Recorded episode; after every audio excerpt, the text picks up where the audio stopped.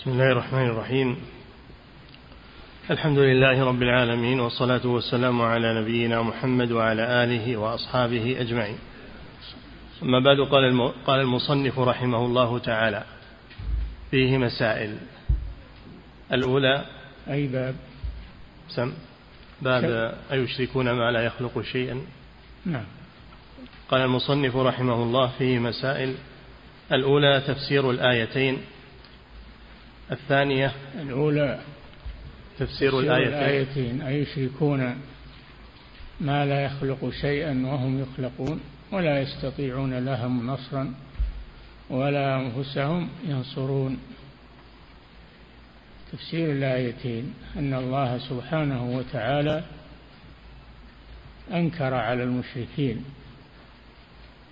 أنهم سووا المخلوقات بالخالق سبحانه. يكون ما لا يخلق شيئا شيئا أي شيء.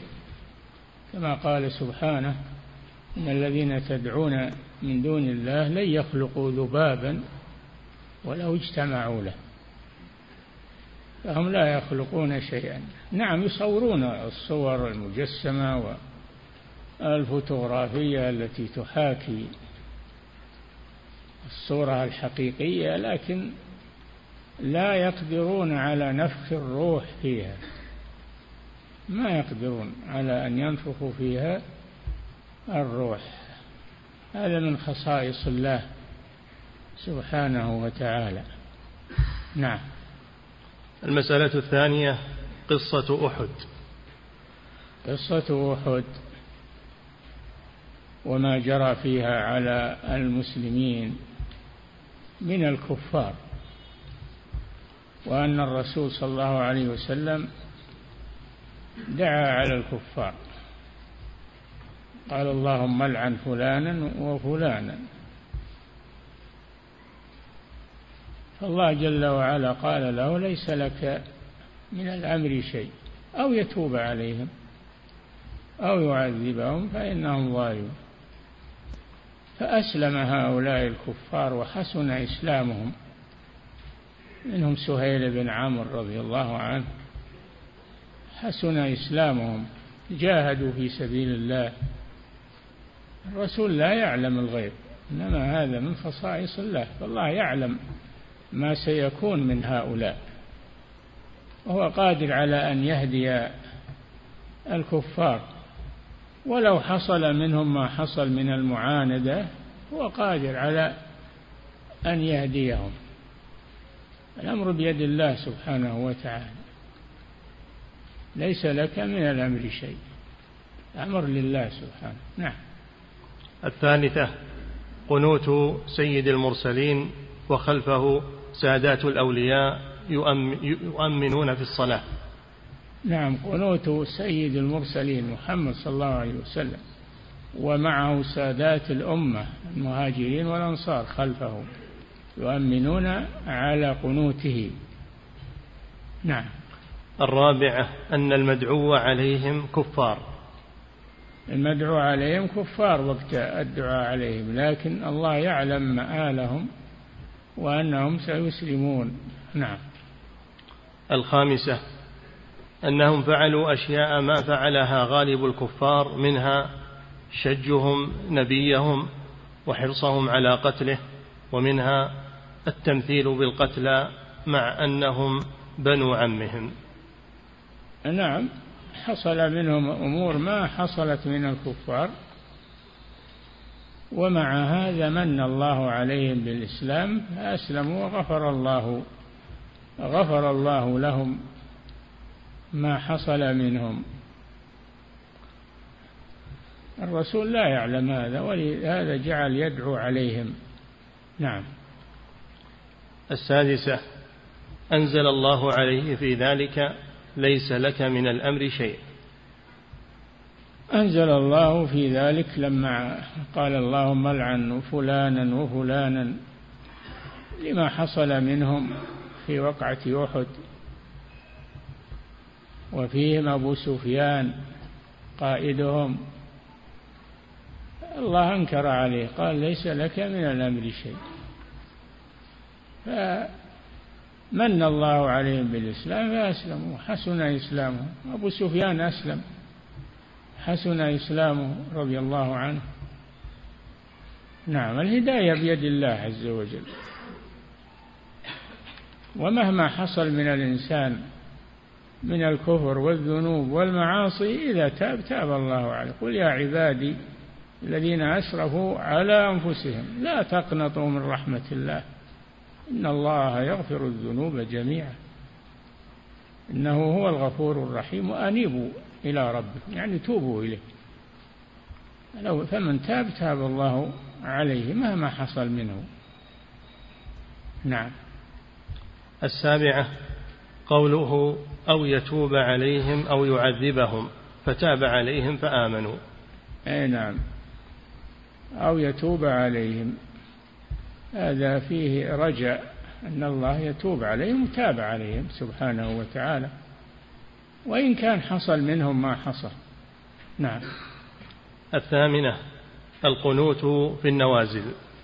نعم. يؤخذ من هذا القنوت في النوازل أنها إذا حصلت نازلة بالمسلمين فإن المسلمين يقنتون في صلاة الفجر بعد الرفع من الركوع في الركعة الأخيرة. إذا رفع رأسه من الركعة الأخيرة الإمام فإنه يدعو برفع النازلة تفريج عن المسلمين. والمصلون خلفه يؤمنون على دعائه. هذا سنة من سنة الرسول صلى الله عليه وسلم. هذا في النوازل خاصة ما هو دائم يقنت في صلاة الفجر. إنما القنوت دائما في صلاة الفجر هذا قول للشافعية الجمهور على خلافه. نعم. التاسعة تسمية المدعو عليهم في الصلاة بأسمائهم وأسماء آبائهم. نعم الرسول صلى الله عليه وسلم ملعن فلانا وفلانا بأسمائهم مع هذا لم تبطل الصلاة. نعم. العاشرة لعن المعين في القنوت. لعن المعين لأن الرسول لعن أناسا معينين. لعن أناسا معينين. ولعن المعين هذا فيه فيه خلاف بين العلماء لأنه لا يدرى ما يختم له. فهؤلاء الذين دعا عليهم الرسول ولعنهم تابوا إلى الله وختم لهم بخير. نعم. فالأمر بيد الله سبحانه وتعالى. نعم. الحادية عشرة. قصته صلى الله عليه وسلم لما أنزل عليه وأنذر عشيرتك الأقربين. أنه صلى الله عليه وسلم صعد الصفا ونادى يا معشر قريش. ثم نادى عمه العباس نادى عمته صفية نادى فاطمة وقال اشتروا أنفسكم لا أغني عنكم من الله شيئا. هذا فيه بطلان الذين يتعلقون على الرسول ويزعمون أنه يعطي الخير وأنه يفرج الكروبات وأنه الرسول قال لا أغني قال لأقرب الناس إليه لا أغني عنكم من الله شيئا اشتروا أنفسكم اشتروها من الله. بالإيمان والتوبة. نعم. الثانية عشرة. جده صلى الله عليه وسلم في هذا الأمر بحيث فعل ما نسب بسببه إلى الجنون وكذلك لو يفعله مسلم الآن. نعم جد صلى الله عليه وسلم بالدعوة وتبليغ الدعوة. حتى نسبوه إلى الجنون. معلم مج قالوا معلم مجنون يعنون الرسول صلى الله عليه وسلم. وإن يكاد الذين كفروا ليزلقونك بأبصارهم يعني يصيبونك بنظراتهم. وهذا فيه إصابة العين وأنها حق.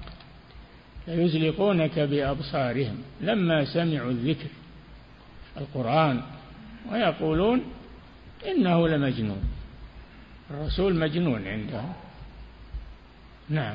ففيه أن الرسول بالغ في الدعوة حتى وصفوه بالجنون. وهذا مستمر في الناس إلى اليوم وإلى ما بعد. أن الذي يدعو إلى الله ويحذر من الشرك ويحذر من آه، المعاصي والسيئات يوصف بالجنون. أنه متعجل وأنه ملقوف ويتدخل بأمور الناس أنه أنه نعم. الثالثة عشرة قوله للأبعد والأقرب لا أغني عنك من الله شيئا حتى قال يا فاطمة بنت محمد لا أغني عنك من الله شيئا فإذا صرح وهو سيد المرسلين بأنه لا يغني شيئا عن سيدة نساء العالمين. وآمن الإنسان أنه صلى الله عليه وسلم لا يقول إلا الحق ثم نظر فيما وقع في قلوب خواص الناس اليوم تبين له التوحيد وغربة الدين. اليوم يعني في وقت الشيخ رحمه الله القرن الثاني عشر ما وقع فيه الناس من الشرك والبدع والمحدثات فكيف إذا تأخر الزمان؟ كيف بوقتنا؟ أنها, تح... أنها تتغير الأمور ويفشو الضلال والجهل والشرك بالله. ومع هذا الدعوة مستمرة والطريق محفوظ ولله الحمد إلى أن تقوم الساعة لا يضرونه شيئا. المشركون بقبضهم وقضيضهم وقوتهم وكثرتهم ما استطاعوا أن يقطعوا دعوة الرسول صلى الله عليه وسلم. مع أنه واحد وهم أمم ومع هذا ما استطاعوا أن يقطعوها بل استمرت وتستمر والحمد لله. نعم. قال المصنف رحمه الله تعالى باب قول الله تعالى حتى إذا فزع عن قلوبهم قالوا ماذا قال ربكم؟ قالوا الحق وهو العلي الكبير. نعم هذا الباب فيه إجلال الله عز وجل وأنه إذا تكلم بالوحي أخذت السماوات منه رعدة يعني من خوفها من الله وهي جوامد. إذا سمعت كلامه سبحانه وتعالى تخشع له. ونحن نقرأ كلام الله ونسمعه ونستغفر الله. لا نحرك ساكنا. قلوبنا هي هي إلا من رحم الله. نعم.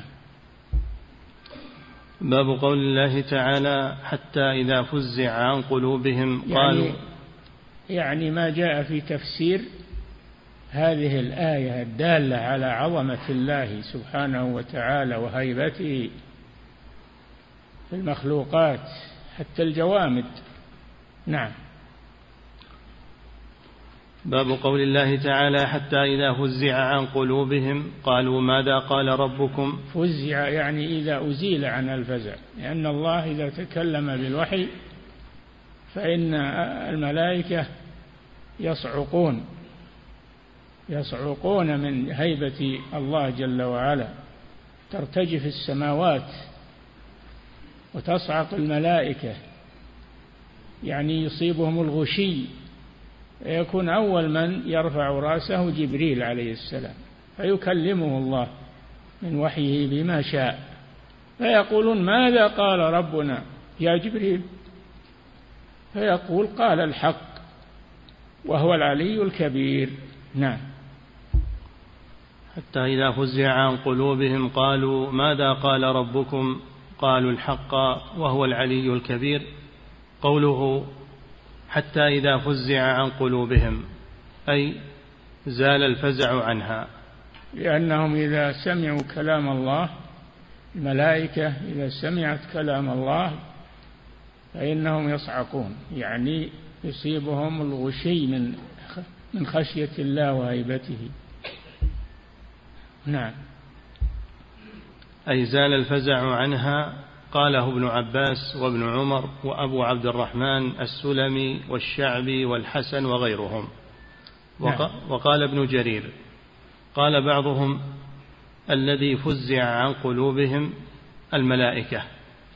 اي نعم. قالوا الملائكة في السماء يعني. نعم. قالوا وإنما فزع عن قلوبهم من غشية تصيبهم عند سماعهم كلام الله بالوحي. نعم. وقال ابن عطية بالكلام حذف يدل عليه الظاهر كأنه قال ولا هم شفعاء كما تزعمون أنتم بل هم عبدة مسلمون أبدا يعني منقادون حتى إذا فزع عن قلوبهم. والمراد الملائكة. يعني فالذين تعلقون على الملائكة ويدعونهم من دون الله ويدعون الأنبياء والأولياء والصالحين. هؤلاء صرفوا العبادة لغير الله لغير مستحقها. صرفوها لعباد مثلهم. صرفوها لخلق لمخلوقين مثلهم. هذا من العجائب. أن مخلوقا يستنجد بمخلوق ضعيف يستنجد بضعيف. ولا يستغيثون بالله. القوي العزيز. لا يستغيثون بالواحد الأحد. الفرد الصمد. نعم. والمراد الملائكة على ما اختاره ابن جرير وغيره قال ابن كثير وهو الحق الذي لا مرية فيه. قال ابن كثير وقول ابن جرير أنهم الملائكة إذا فزع عن قلوبهم يعني الملائكة أنه الحق. الذي لا مرية فيه. نعم. قال ابن كثير وهو الحق الذي لا مرية فيه لصحة الأحاديث فيه والآثار. نعم. وقال أبو حيان. أصح تفسير بعد تفسير ابن جرير هو تفسير ابن كثير رحمه الله. نعم. وقال أبو حيان تظاهرت الأحاديث عن رسول الله صلى الله عليه وسلم أن قوله حتى إذا فزع عن قلوبهم إنما هي في الملائكة. أي نعم أبو حيان من المفسرين أندلسي من علماء الأندلس وهو له تفسير في القرآن مشهور بتفسير أبي حيان. نعم. وقال أبو حيان تظاهرت الأحاديث عن رسول الله صلى الله عليه وسلم أن قوله حتى إذا فزع عن قلوبهم إنما هي في الملائكة إذا سمعت الوحي إلى جبريل يأمره الله به. سمعت كجر سلسلة الحديد على الصفوان فتفزع عند ذلك تعظيما وهيبة. نعم كسلسلة الحديث على الصفوان على على المروة الملسى يصير له صوت. يصير السلسلة إذا جرت على المروة الصافية يصير لها صوت صوت حسن. هكذا صوت الوحي من الله لجبريل عليه السلام كأنه سلسلة على صفوان. نعم. قال وبهذا المعنى من ذكر الملائكة في صدر الآية تتسق هذه الآية على الأولى؟ ومن قال, قال قال وبهذا المعنى من ذكر الملائكة في صدر الآية تتسق هذه الآية على الأولى. ومن لم يشعر أن الملائكة مشار إليهم من أول قوله الذين زعمتم لم تتصل له هذه الآية بما قبلها. نعم. قل الذين زعمتم من دون الله لا يملكون مثقال ذرة في السماوات ولا في الأرض وما له فيهما من شرك وما له منهم من ظهير ولا تنفع الشفاعة عنده إلا لمن أذن له حتى إذا فزع عن قلوبهم إلى آخر الآية. الآية متصلة وهي في الملائكة. نعم. قوله قالوا ماذا قال ربكم؟ ولم يقولوا ماذا خلق ربنا. هذا دليل على كلام الله أن الله يتكلم في رد على الجهمية. الذين يقولون تكلم يعني خلق الكلام. هذا باطل بل تكلم حقيقة سبحانه وتعالى بكلام سمعه جبريل وتحمله عن الله وبلغه لمحمد صلى الله عليه وسلم. هذا هو سند القرآن عن أمة محمد عن عن محمد عن جبريل عليه السلام. نعم. قوله قالوا ماذا قال ربكم ولم يقولوا ماذا خلق ربنا. إي هذا برد على الجهمية. اللي يقولون إن الله لا يتكلم وإنما معناه خلق الكلام في غيره. نعم خلقه في جبريل خلقه في اللوح المحفوظ. تعالى الله عما يقولون. فيصفون الله بأنه لا يتكلم أنه أخرس. والذي لا يتكلم أنقص من الذي يتكلم. هذا في الخلق. فكيف بالخالق سبحانه وتعالى؟ نعم. ولم يقولوا ماذا خلق ربنا ولو كان كلام الله مخلوقا لقالوا ماذا خلق. نعم لو كان كلام الله مخلوقا كما تقوله الجهمية. لقالوا ماذا خلق ربنا؟ لماذا قالوا ماذا قال؟ قال ربنا. ولم يقولوا ماذا خلق ربنا. هذا فيه رد عليهم وإبطال لقولهم. نعم. ولم يقولوا ماذا خلق ربنا ولو كان كلام الله مخلوقا لقالوا ماذا خلق. انتهى من شرح سنن ابن ماجه ومثله الحديث ماذا قال ربنا يا جبريل؟ نعم. وأمثال هذا في الكتاب والسنة كثير. نعم. قوله قالوا الحق أي قالوا قال الله الحق وذلك هذا هو الجواب. ماذا قال ربنا؟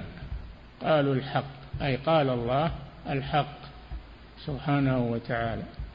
فهذا فيه نسبة القول إلى الله والكلام إلى الله حقيقة لا مجازا. نعم. قالوا الحق أي قالوا قال الله الحق وذلك لأنهم إذا سمعوا كلام الله صعقوا. ثم صعقوا يعني أصابهم الغشي ويخرون مغشيا عليهم من هيبة الله وإجلاله. نعم. وذلك لأنهم إذا سمعوا كلام الله صعقوا ثم إذا أفاقوا أخذوا يسألون. فيقولون ماذا قال ربكم؟ فيقولون قال الحق. أي نعم يقول لهم جبريل قال الحق وهو العلي الكبير. نعم. قوله وهو العلي الكبير. علو القدر وعلو القهر وعلو الذات. أنواع العلو ثابتة لله كلها. علو القدر وعلو القهر وهو القاهر فوق عباده وعلو الذات فهو فوق عباده سبحانه وفوق مخلوقاته بائن من خلقه جل وعلا فوق مخلوقاته وهو القاهر فوق عباده وهو الحكيم الخبير. ليس داخلا في الخلق ولا الخلق داخلون فيه سبحانه وتعالى. نعم. قوله وهو العلي الكبير علو القدر وعلو القهر وعلو الذات فله العلو الكامل من جميع الوجوه. نعم. بمعانيه الثلاثة القدر والقهر والذات. نعم. فله العلو الكامل من جميع الوجوه كما قال عبد الله ابن المبارك لما قيل له بماذا نعرف ربنا؟ قال بأنه على عرشه بائن من خلقه. بأنه على عرشه والعرش هو أعلى المخلوقات. العرش هو أعلى المخلوقات وفوقه رب العالمين وهو ليس محتاجا إلى العرش. وإنما هذا من حكمته سبحانه وتعالى أنه خلق العرش وكان عرشه على الماء على بحر. على بحر. عرش الله جل وعلا فوق البحر. كان عرشه على الماء. ثم بعد البحر السماوات. نعم. كما قال عبد الله بن المبارك لما قيل له بماذا نعرف ربنا؟ قال بأنه على عرشه بائن من خلقه. بائن من خلقه. منفصل ليس في ذاته شيء من مخلوقاته ولا في مخلوقاته شيء من ذاته سبحانه وتعالى. نعم. قال بأنه على عرشه بائن من خلقه تمسكا منه بالقرآن. لقول الله تعالى تمسكا من ابن المبارك على هذا القول بالقرآن دليله القرآن. نعم. تمسكا منه بالقرآن لقول الله تعالى الرحمن على العرش استوى. الرحمن على العرش استوى. الرحمن على العرش استوى. يعني استواء يليق بجلاله سبحانه وتعالى. والاستواء من صفات الفعل. أما العلو فهو من صفات الذات. العلو من صفات الذات وأما الاستواء فإنه من صفات الفعل التي يفعلها إذا شاء. ولهذا قال خلق السماوات والأرض في ستة أيام ثم استوى على العرش. رتب الاستواء على العرش بعد المخلوقات. لأنه فعل وهو سبحانه يفعل ما يشاء متى شاء. نعم. تمسكا منه بالقرآن لقول الله تعالى الرحمن على العرش استوى وقوله ثم استوى على العرش الرحمن. في سبع آيات من القرآن كلها استوى على العرش كلها استوى على العرش وليس في واحدة منها استولى كما تقوله الجهمي. استولى على العرش. فيفسرون استوى على العرش أي استولى على العرش. يعني الله ما استولى إلا على العرش استولى على جميع المخلوقات. كلها مخلوقة له. فلماذا لا يقول استوى على المخلوقات؟ يقول استوى على العرش يعني أنه استولى عليه. أو قبل هذا من اللي مستول عليه؟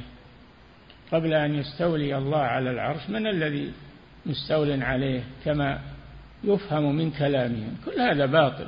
نعم. في سبعة مواضع من القرآن. قوله وهو العلي الكبير الكبير الذي لا أكبر منه ولا أعظم تبارك وتعالى. ولهذا دائما يقول المسلم الله أكبر أي أجل وأعظم من كل شيء. الله أكبر يعني أكبر من كل شيء. وأجل من كل شيء. سبحانه وتعالى. نعم. قال المصنف رحمه الله تعالى في الصحيح عن أبي هريرة رضي الله عنه عن النبي صلى الله عليه وسلم قال إذا قضى الله الأمر في السماء. هذا تفسير الآية. نعم. في الصحيح عن أبي هريرة رضي الله عنه عن النبي صلى الله عليه وسلم قال إذا قضى الله الأمر في السماء. ضربت الملائكة بأجنحتها نعم. خضعانا لقوله. كأنه سلسلة على صفوان. يعني كأن صوت الوحي السلسلة على الصفوان يعني على المروة الملسى. يصير لها صوت. نعم. كأنه سلسلة على صفوان ينفذهم ذلك. نعم. حتى إذا فزع عن قلوبهم قالوا ماذا قال ربكم قالوا الحق وهو العلي الكبير فيسمعها مسترق السمع ومسترق السمع هكذا بعضه فوق بعض وصفه سفيان بكفه فحرفها وبدد بين أصابعه فيسمع الكلمة فيلقيها إلى من تحته ثم يلقيها الآخر إلى من تحته حتى يلقيها على لسان الساحر أو الكاهن. فربما أدركه الشهاب قبل أن يلقيها وربما ألقاها قبل أن يدركه فيكذب معها مائه كذبة فيقال أليس قد قال لنا يوم كذا وكذا كذا وكذا؟ فيصدق بتلك الكلمة التي سمعت من السماء. نعم. قوله هذا في تفسير الآية الكريمة. نعم. قوله في الصحيح أي صحيح البخاري. نعم. قوله حتى إذا قوله إذا قضى الله الأمر في السماء أي إذا تكلم الله بالأمر الذي يوحيه إلى جبرائيل بما أراده كما صرح به في الحديث الآتي. نعم. وكما روى سعيد بن منصور وأبو داود وابن جرير عن ابن مسعود إذا تكلم الله بالوحي سمع أهل السماوات صلصلة كجر السلسلة على الصفوان وروى ابن أبي حاتم وابن مردويه.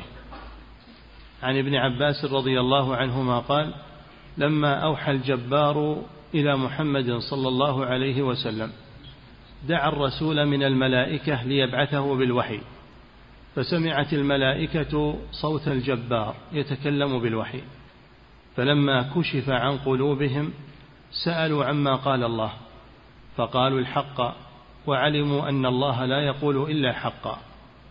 نعم الملائكة إذا سمعوا كلام الله فإنهم يصيبهم الغشي والصعق يصعقون.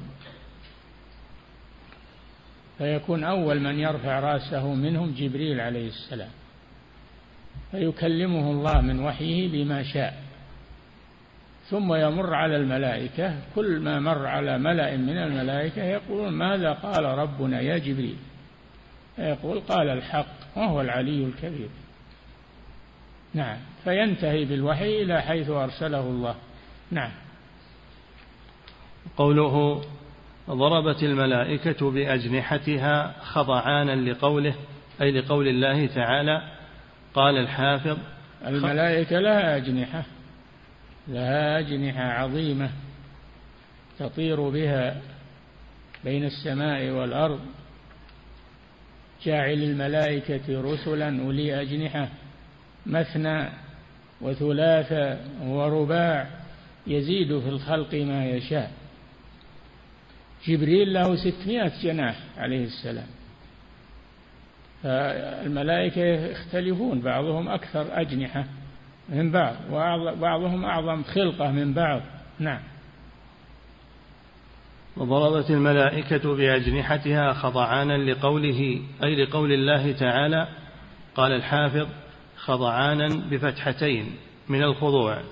وفي رواية بضم أوله وسكون ثانية. خضعانا نعم. وفي رواية بضم أوله وسكون ثانية وهو مصدر بمعنى خاضعين. نعم. قوله كأنه سلسلة على صفوان. أي كأن الصوت المسموع سلسلة على صفوان. هو الحجر الأملس. نعم. قوله ينفذهم ذلك. هو بفتح التحتية وسكون النون وضم الفاء والذال المعجمة. ذلك أي القول. والضمير في ينفذهم للملائكة. أي ينفذ ذلك القول الملائكة نعم. أي يخلص ذلك القول ويمضي فيهم حتى يفزعوا منه. نعم. وعند ابن مردويه من حديث ابن عباس رضي الله عنهما فلا ينزل على أهل سماء إلا صعقوا. نعم. وعند أبي داود وغيره مرفوعا إذا تكلم الله بالوحي سمع أهل السماء الدنيا صلصلة, صلصلة كجر السلسلة على الصفا فيصعقون فلا, يزول فلا يزالون كذلك حتى يأتيهم جبريل الحديث. نعم. قوله حتى إذا فزع عن قلوبهم تقدم معناه. يعني أزيل أزيل عن الفزع. نعم. قوله ماذا قال ربكم؟ قالوا الحق. أي قالوا قال الله الحق. علموا أنه لا يقول إلا الحق. نعم. قوله فيسمعها مسترق السمع. الشياطين تسترق السمع.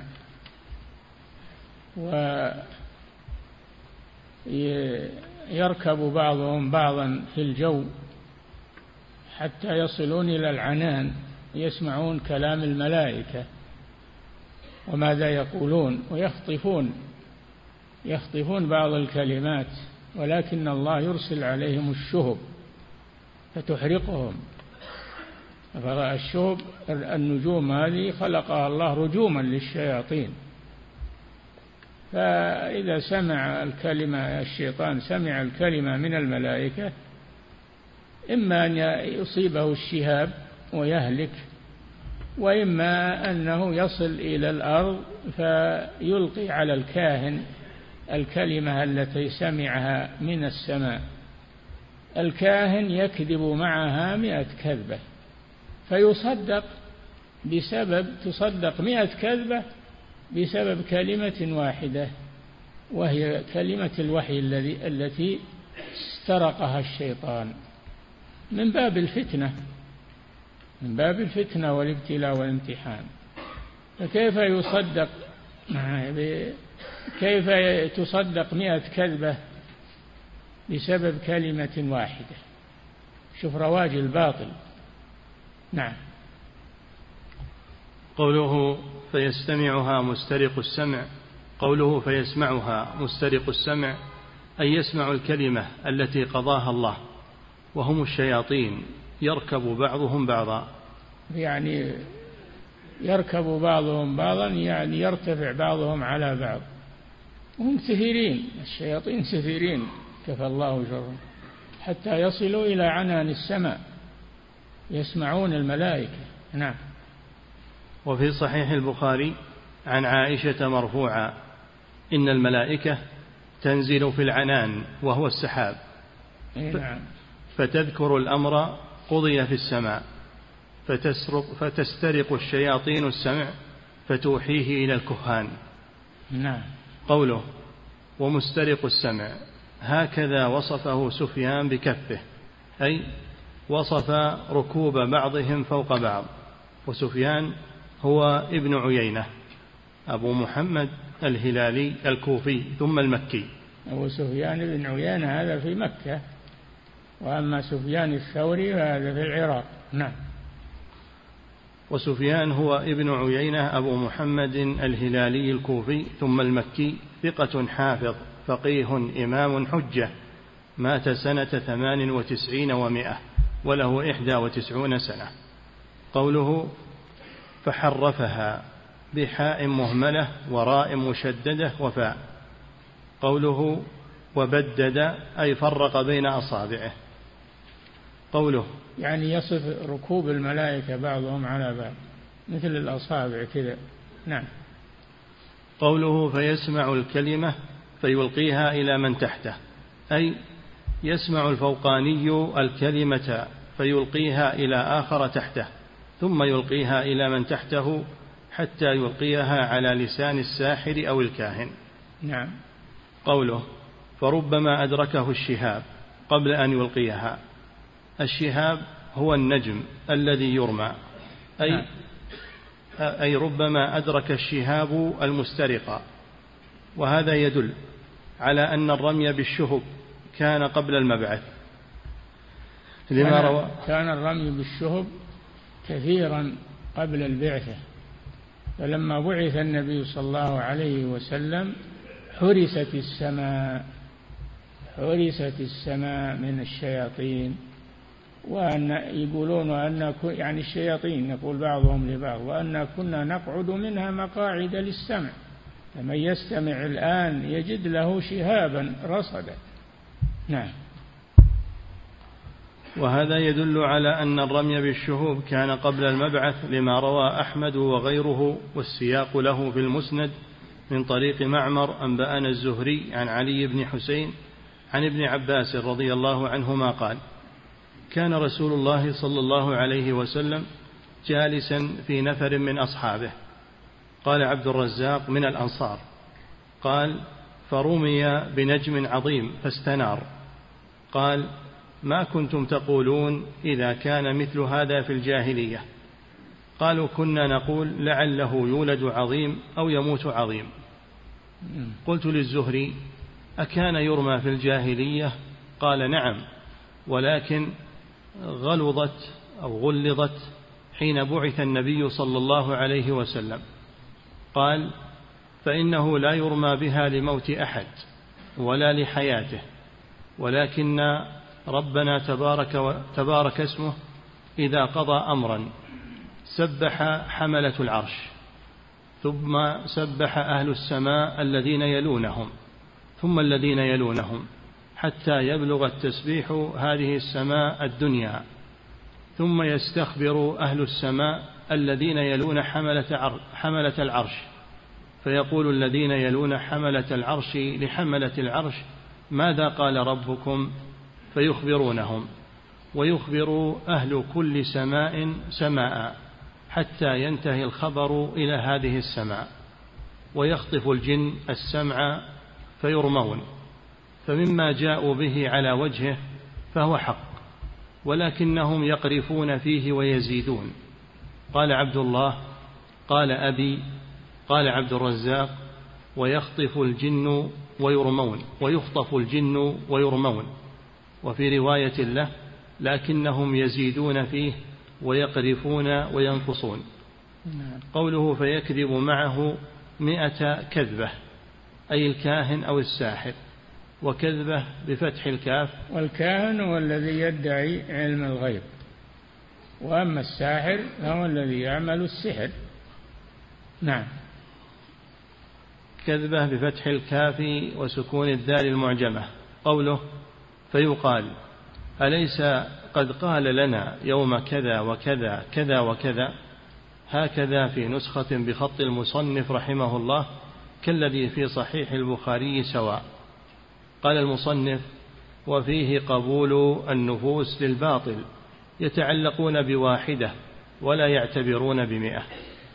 يقبلون مئة كلبة ويتعلقون بكلمة واحدة. وأما القرآن الكريم فهم يكذبون به من أوله إلى آخره. هذا من العجائب. نعم. وفيه أن الشيء إذا كان فيه شيء من الحق فلا يدل على أنه حق كله فكثيرا ما يلبس أهل الضلال الحق بالباطل. نعم هذه يعني مسألة خطيرة جدا لبس الحق بالباطل. الباطل ما يؤتى به كل باطل يحط معه شيء من الحق من أجل يصدق وهذا من التلبيس لبس الحق بالباطل. لأجل يقبل أما لو كان الباطل ما معه حق أبدا ما ما قبل. نعم. وأخطر شيء هو لبس الحق بالباطل. هذا أخطر شيء. نعم. وفيه أن الشيء إذا كان فيه شيء من الحق فلا يدل على أنه حق كله. نعم. فكثيرا ما يلبس أهل الضلال الحق بالباطل ليكون أقبل لباطلهم. قال تعالى ولا تلبسوا الحق بالباطل وتكتمون وتكتمون الحق وأنتم تعلمون. وتكتموا الحق وأنتم تعلمون. يقولوا لليهود ولا تلبسوا الحق بال... لأنهم يلبسون كثير. ولا تلبسوا الحق بالباطل وتكتموا الحق وأنتم تعلمون أنه أنه باطل. نعم. وفي هذه الأحاديث وما بعدها وما في معناها. إثبات علو الله تعالى على خلقه على ما يليق بجلاله وعظمته.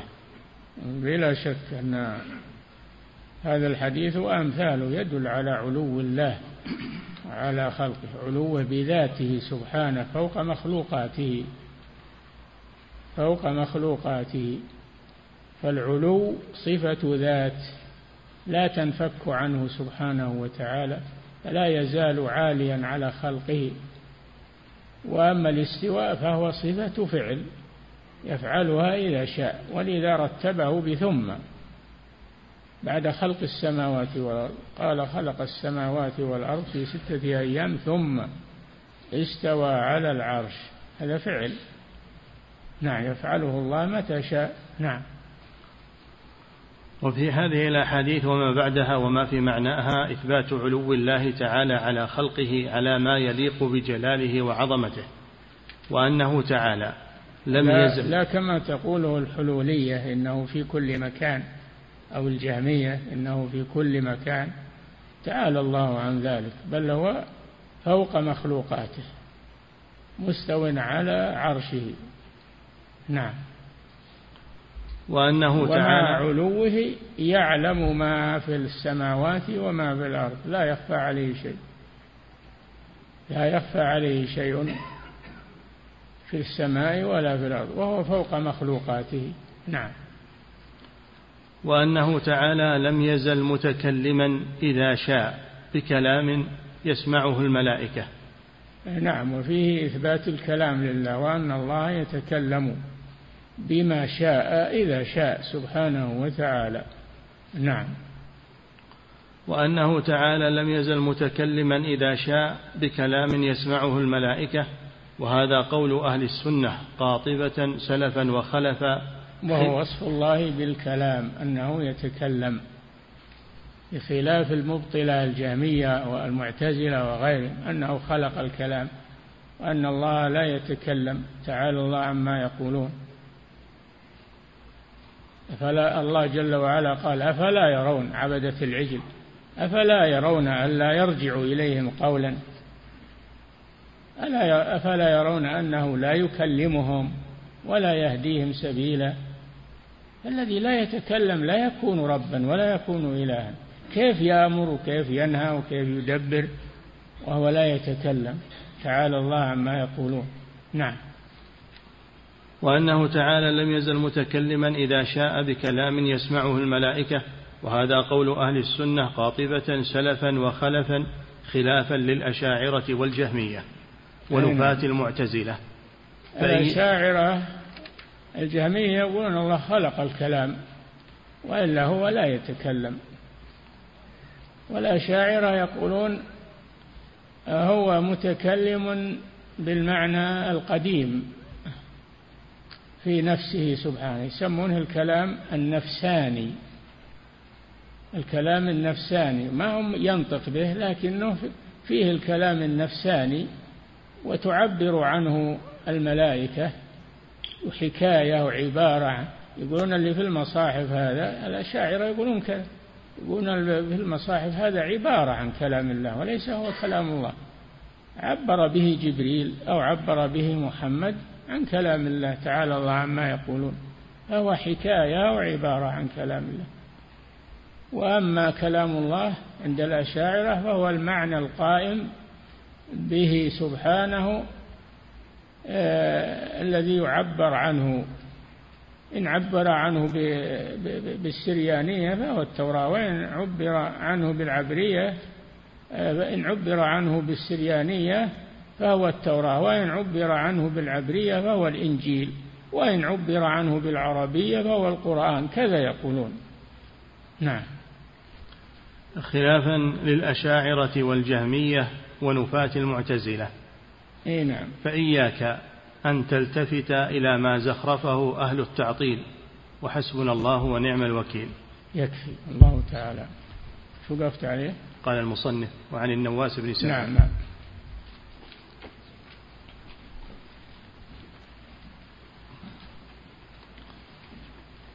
فضيلة الشيخ وفقكم الله. يقول بالنسبة للقنوت في النوازل هل يجوز؟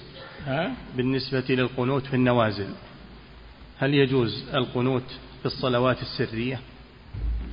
اي نعم يجوز في جميع الصلوات لكن لازم من صدور فتوى لازم من صدور فتوى من الجهة المختصة. يعممها ولي الأمر على الأئمة. يقنتون نعم. فضيلة الشيخ وفقكم الله يقول ذكر المصنف رحمه الله في مسائل الباب السابق قال العاشرة لعن المعين في القنوت. ها؟ يقول ذكر المصنف رحمه الله في مسائل الباب السابقة قال العاشرة لعن المعين في القنوت. يقول هل هذا معناه أنه جائز؟ هذا دليل على اللي يقولون يجوز لعن المعين هذا من أدلتهم مسألة خلافية نعم. ثم يقول حفظك الله وهل قوله سبحانه ليس لك من الأمر شيء؟ معناه عدم إقرار له على هذا اللعن؟ على إيه؟ على هذا اللعن. على هذا؟ اللعن. اللعنة. إيه لأنه لعن ناس أسلموا. الله يعلم أنهم سيسلمون. فقال ليس لك من الأمر شيء. ولهذا قال أو يتوب عليهم. نعم. فضيلة الشيخ وفقكم الله. يقول السائل إذا أراد شخص من أهل الكتاب يهودي أو نصراني أن يسلم فهل يكفي أن يأتي بالشهادتين أو لا بد من شيء آخر؟ يأتي بالشهادتين ويأتي بالصلاة وبقية أمور الدين. لكن أول شيء ينطق بالشهادتين شهادة لا إله إلا الله وأن محمدا رسول الله. ثم يصلي ويصوم ويأتي بأركان الإسلام وأركان الإيمان. نعم. يعلم يشرح له ذلك ويبين له. وهذه مهمة المراكز الإسلامية ومهمة الجمعيات ومهمة أنهم يعلمون حديثي العهد بالإسلام. يعلمونهم الدين يفصلون لهم. نعم.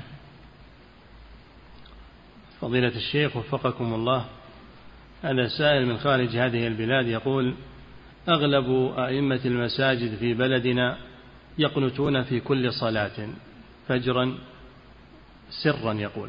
فماذا أفعل عندما يقنت هذا الإمام؟ وهل أصنع مثله؟ تابع الإمام. اتابع الإمام لأن القنوت دعاء. الدعاء مشروع. وإن كان أنه يحتاج إلى أن, أن, أن تصدر في هذا فتوى لكن هو تعجل وقنت أن تتبع الإمام لأنه ما جاء بباطل. نعم. فضيلة الشيخ وفقكم الله يقول السائل في قوله سبحانه وتعالى وإن كادوا ليزلقونك بأبصارهم لما سمعوا الذكر.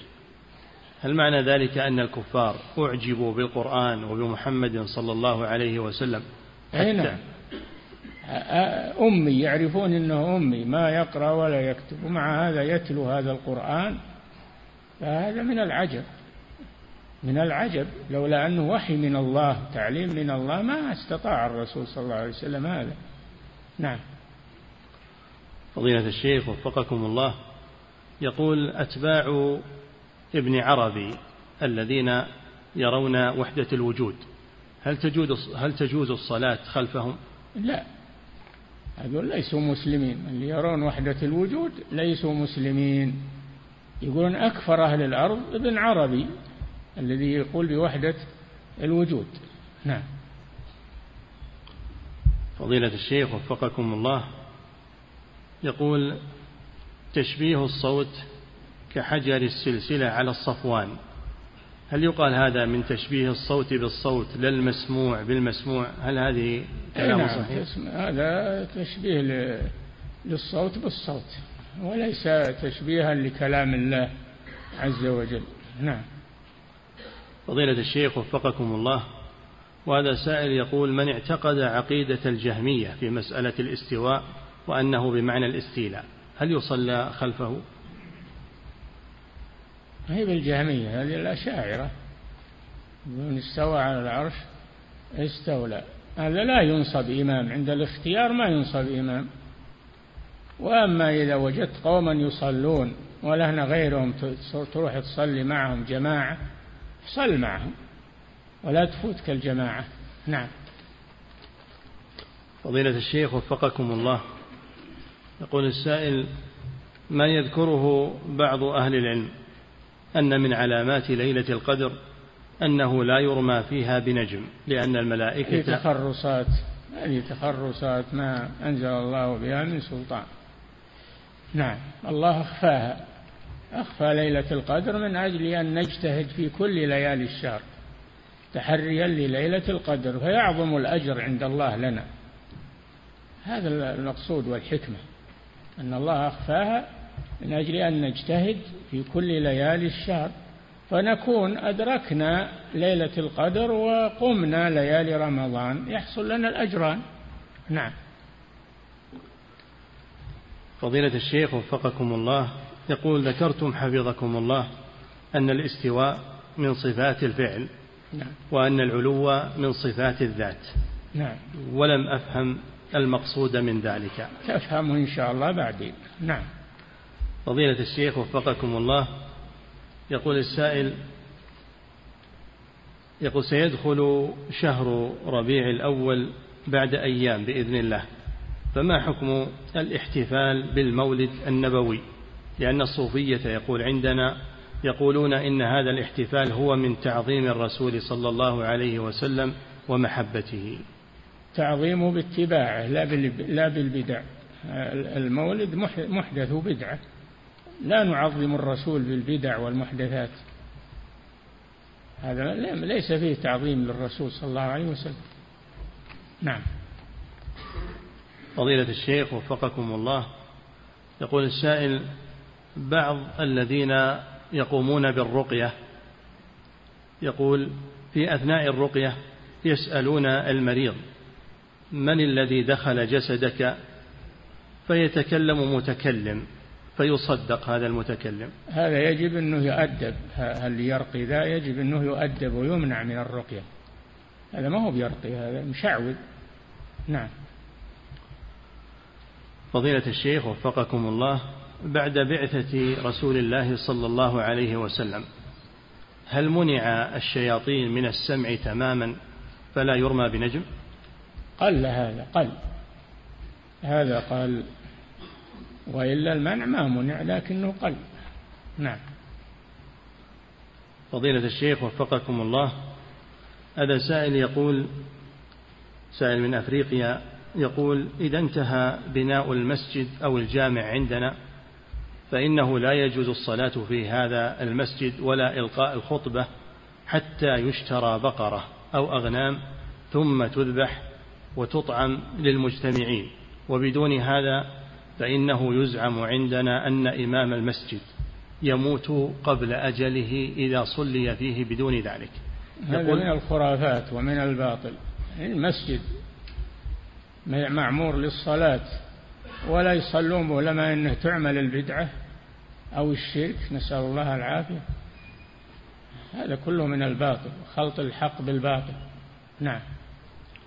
وكذلك حفظك الله يقول قام واعظ عندنا هناك وكان من موعظته أن الرسول صلى الله عليه وسلم حينما توفيت زوجته خديجة رضي الله عنها ذبح عليها ناقة وأقام عليها العزاء مدة ثلاثة أيام وأن هذا جاء عن قتادة.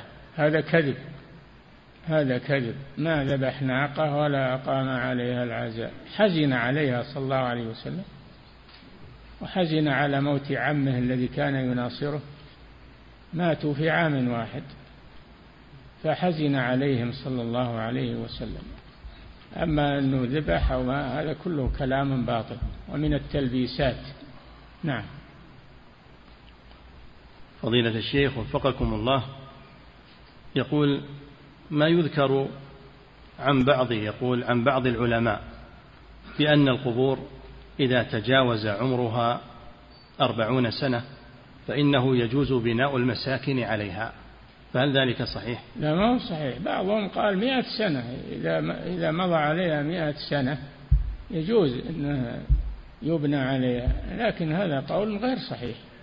القبور تترك قبورا لأصحابها لا يعتدى عليها أبدا. نعم. فضيلة الشيخ وفقكم الله. هل الاستعانة بالجن في أمر مباح تعد جائزة؟ لا لا يجوز الاستعاذة بالغائبين لا من الجن ولا غيرهم. إنما يستعان بالحي الحاضر عندك الحي الحاضر عندك فيما يقدر عليه. هذه الشروط أن يكون حيا لا ميتا أن يكون حاضرا لا غائبا أن يكون يقدر على إعانتك. نعم. فضيلة الشيخ وفقكم الله. يقول السائل من مات وظاهره أنه على الشرك الأكبر هل يحكم بكفره فلا يصلى عليه أم يقال الله أعلم بما مات عليه فلعله تاب ورجع؟ إذا كان معروفا عنه الشرك ومشتهر عنه الشرك فلا يصلى عليه. نعم.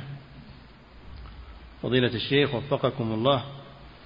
يقول السائل شخص كان يقيم في بلاد الإسلام لكن حالته الاقتصادية والمادية يقول تدهورت فذهب إلى بلاد الكفر وتيسرت حالته فهل يجب عليه الآن أن يرجع إلى بلاد الإسلام؟ ما في شك ما يقيم في بلاد الكفر إلا بقدر الحاجة والضرورة ثم يرجع إلى بلاد الإسلام. نعم. فضيلة الشيخ وفقكم الله يقول السائل هل للصلاة في الحجر المسمى بحجر إسماعيل هل لها مزية خاصة؟ النافلة. النافلة نعم لأنها في داخل الكعبة لأن الحجر من الكعبة محتطم ولذلك يسمى بالحطيم لأنه محتطم من الكعبة. فإذا صليت به فكأنك صليت في داخل الكعبة. النافلة عند النبي صلى الله عليه وسلم صلى في داخل الكعبة. نافلة وأما الفريضة لا ما صلى في داخل الكعبة ولا في الحجر. نعم. ثم يقول حفظك الله وهل تسمية هذا الحجر بحجر إسماعيل تسمية صحيحة؟ لا أعرف لها أصلا. لا أعرف لها أصلا. نعم. فضيلة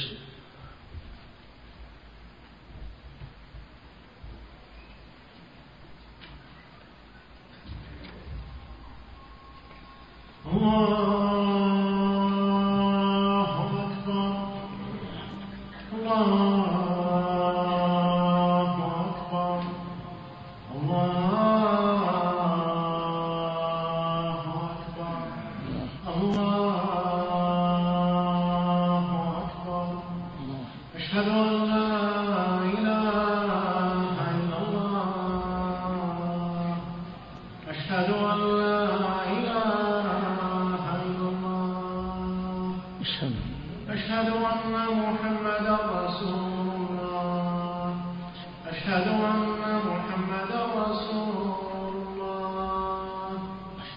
الشيخ نعم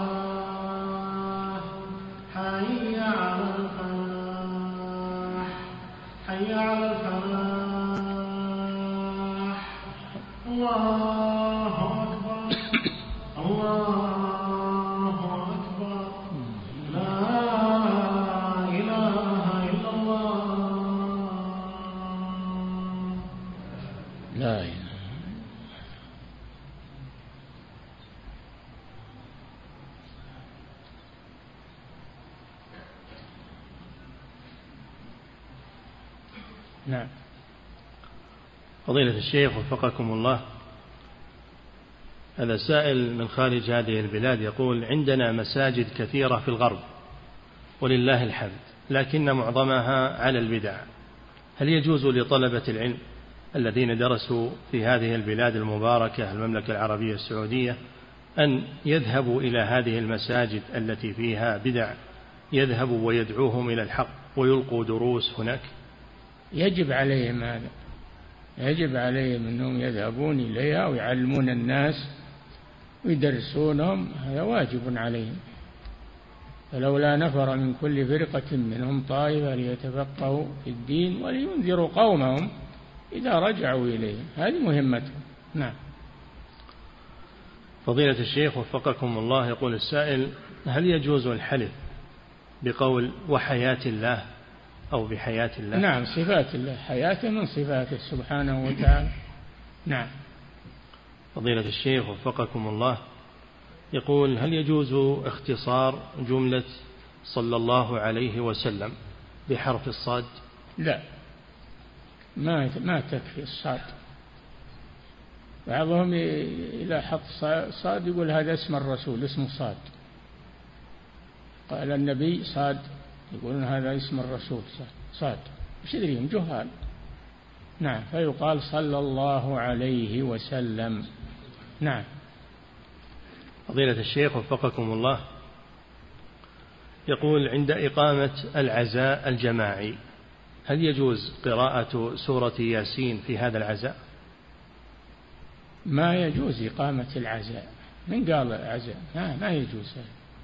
ولا يجوز الاجتماع للعزاء. كل هذا من البدع. ولا ضرب أيام معدودة للعزاء.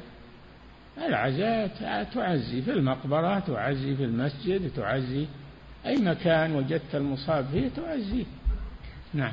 في الجوال في التلفون. نعم. فضيلة الشيخ وفقكم الله هذا سائل يقول يقول رجل من أهل الطائف ووصل إلى الرياض. وسيمكث فيها لمدة أسبوعين فهل يجوز له القصر والجمع؟ لا.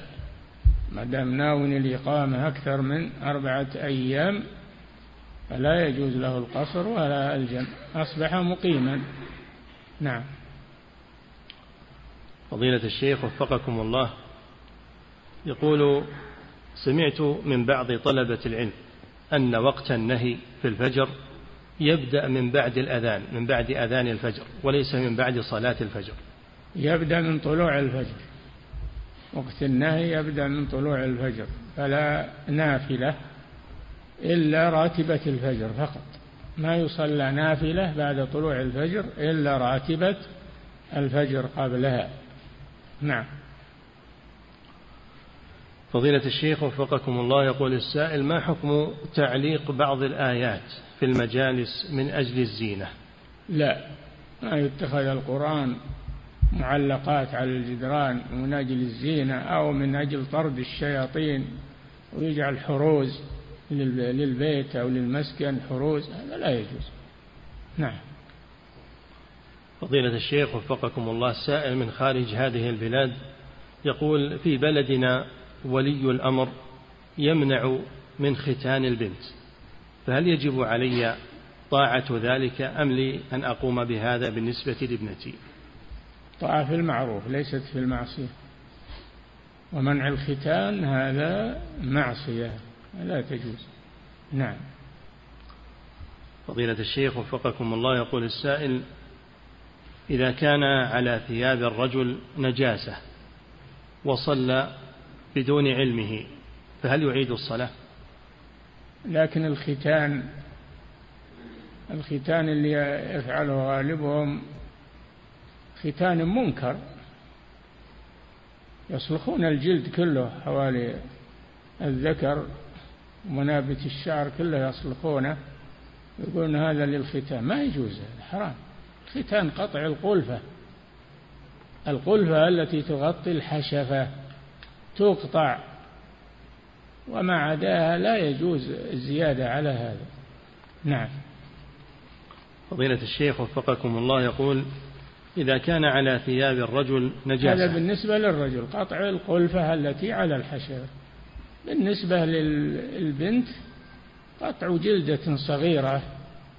قطع جلدة صغيرة من أجل أن تخف شهوتها لأنها لو تركت تشتد شهوتها ويخشى عليها. نعم.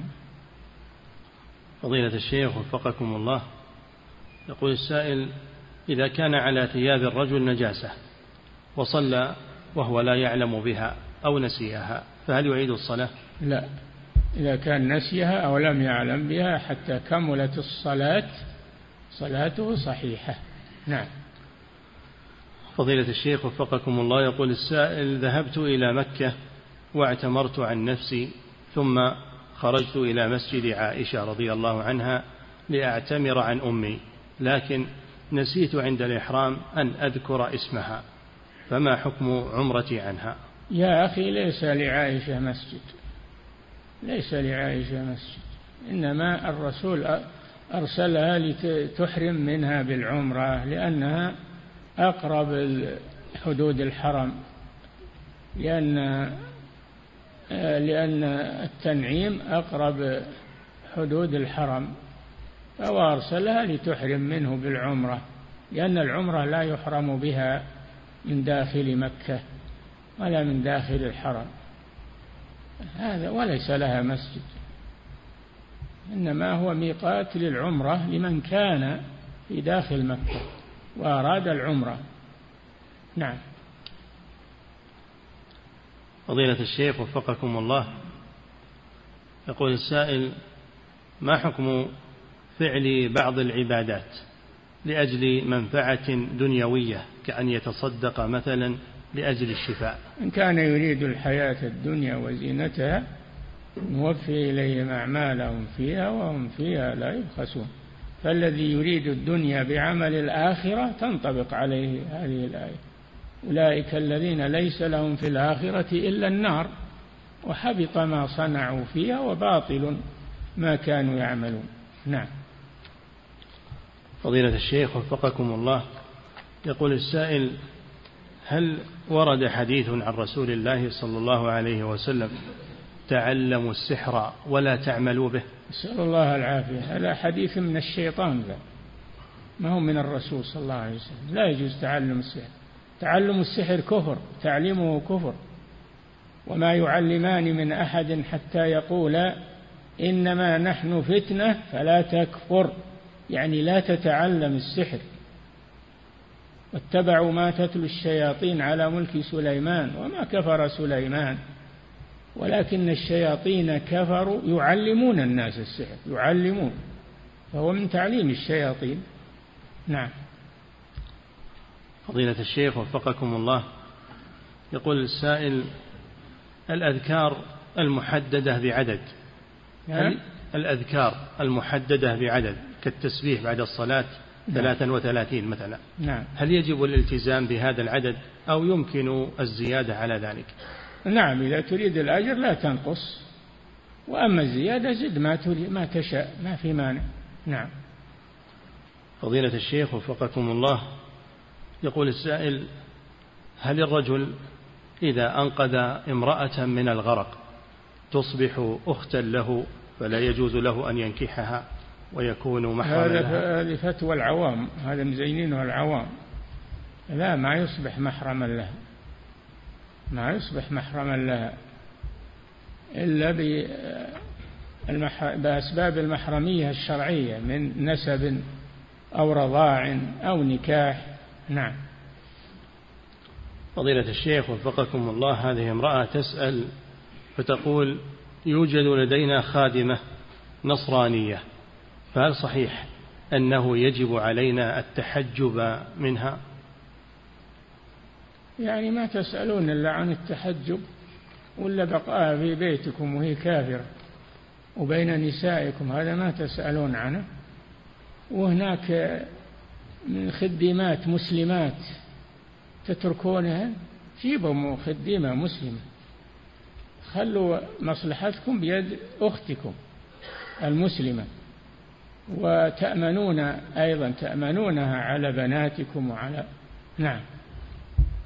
فضيلة الشيخ وفقكم الله. هذا سائل يقول لو طلب مني نصراني يعرف العربية لو طلب مني مصحفا ليقرأه. لا. تقرأ عليه أنت ولا تعطيها المصحف إلا إذا أسلم. ما يعطى المصحف لكافر. نعم. فضيلة الشيخ وفقكم الله يقول السائل ما حكم ترجمة خطبة الجمعة بغير العربية؟ لحاجة لا بأس. إذا كان فيه ناس ما يفهمون العربية ترجمة لهم في لغتهم فلا بأس. نعم. فضيلة الشيخ. لكن ما تلقيها ما تلقيها بلغتهم تلقيها بالعربية. ثم بعد ما تفرغ تترجمها لهم بلغتهم نعم. فضيلة الشيخ وفقكم الله في حديث النعمان بن بشير رضي الله عنهما أن النبي صلى الله عليه وسلم قال لأبيه أكل ولدك أعطيت مثل هذا فهل صحيح أن معنى مثل هنا أن الذكر كالأنثى تماما في العطية؟ قاله بعض العلماء بناء على ظاهر الحديث ولكن الجمهور على أنه يعطي الأنثى نصف الذكر اقتداء بقسمة الله سبحانه وتعالى. نعم. فضيلة الشيخ وفقكم الله بقوله صلى الله عليه وسلم من جر ثوبه خيلا لم ينظر الله إليه يوم القيامة. نعم. هل المحرم هنا هو الإسبال المقصود به الخيلاء فقط؟ لا المحرم الإسبال. ما كان أسفل الكعبين فهو في النار. ولم يقل خيلاء. ما كان أسفل الكعبين فهو في النار. لكن إذا كان معه خيلاء فالنار تزيد عليه والعذاب يزيد عليه والعياذ بالله. نعم. فضيلة الشيخ وفقكم الله يقول كيف نرد على من يجيزون الاحتفال بعيد الميلاد الشخصي بحجة أنه عادة وليس عبادة؟ لا ما هو ينسب إلى تعظيم الرسول وقال هذا حق الرسول علينا و... وتقول هذه عادة ما هي بعادة هذه عبادة لا تجوز. نعم. فضيلة الشيخ وفقكم الله هذا سائل من خارج هذه البلاد يقول هل طبخ الطعام للوالدين غير المسلمين من الولاء المحرم؟ نعم. سائل من خارج هذه البلاد يقول هل طبخ الطعام للوالدين غير المسلمين؟ اخدم اخدم الوالدين ولو كان كافرا اخدمهم وبر, وبر بهم. صاحبهما في الدنيا معروفة تبع سبيل من أناب إلي لهم حق البر ولو كان كافرين حق البر عليك. والإحسان إليهما. نعم. فضيلة الشيخ وفقكم الله هذا سائل يقول تقسيم بعض العلماء البدعة إلى بدعة حسنة وبدعة قبيحة. هذا هذا هذا كلام باطل. البدعة كلها قبيحة ليس فيها شيء.